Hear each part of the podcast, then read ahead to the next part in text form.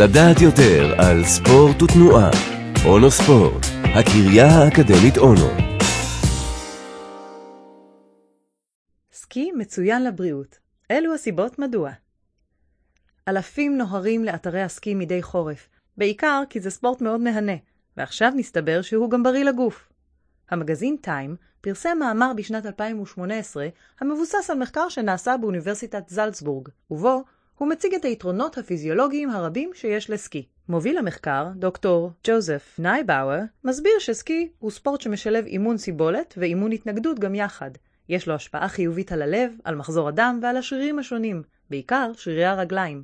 את ההשפעה של גלישת סקי על פעולת הלב משווה נייבאואר לרכיבה על אופניים או חתירה בסירת משוטים. לדבריו, כל גלישה במורד הר מועילה למערכת הלב-ריאה והמערכת המטבולית, כולל תנגודת אינסולין משופרת, סבילות טובה יותר לסוכר וכן הפחתה בלחץ הדם, בשומנים בדם ובקצב הלב במנוחה. בנוסף, סקי הוא למעשה אימון הפוגות, אינטרוולים לכל דבר, ובשנים האחרונות מחקרים רבים מצביעים על כך שלשיטה זו, בה המתאמן עובד בצורה עצימה לזמן מסוים ואז נח לזמן קצר וחוזר חלילה, יש תועלת פיזיולוגית רבה עד כדי העלאת תוחלת החיים. אבל מה שמבדיל סקי מפעילויות ספורט אחרות, הוא האפקט על פלג הגוף התחתון, ובעיקר הרגליים.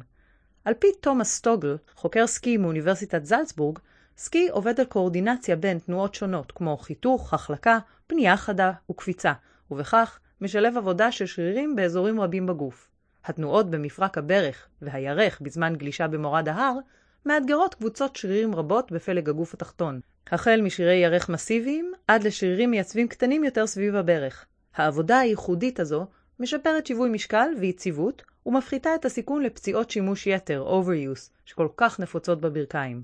בנוסף, יש אפקט חיובי לספורט כמו סקי שמתבצע בסביבה טבעית ונעימה. מחקרים רבים מצביעים על כך שפעילות בסביבה כזו משפיעה באופן חיובי על הבריאות הפיזית, ובעיקר על הבריאות הנפשית, ומשפרת מצב רוח.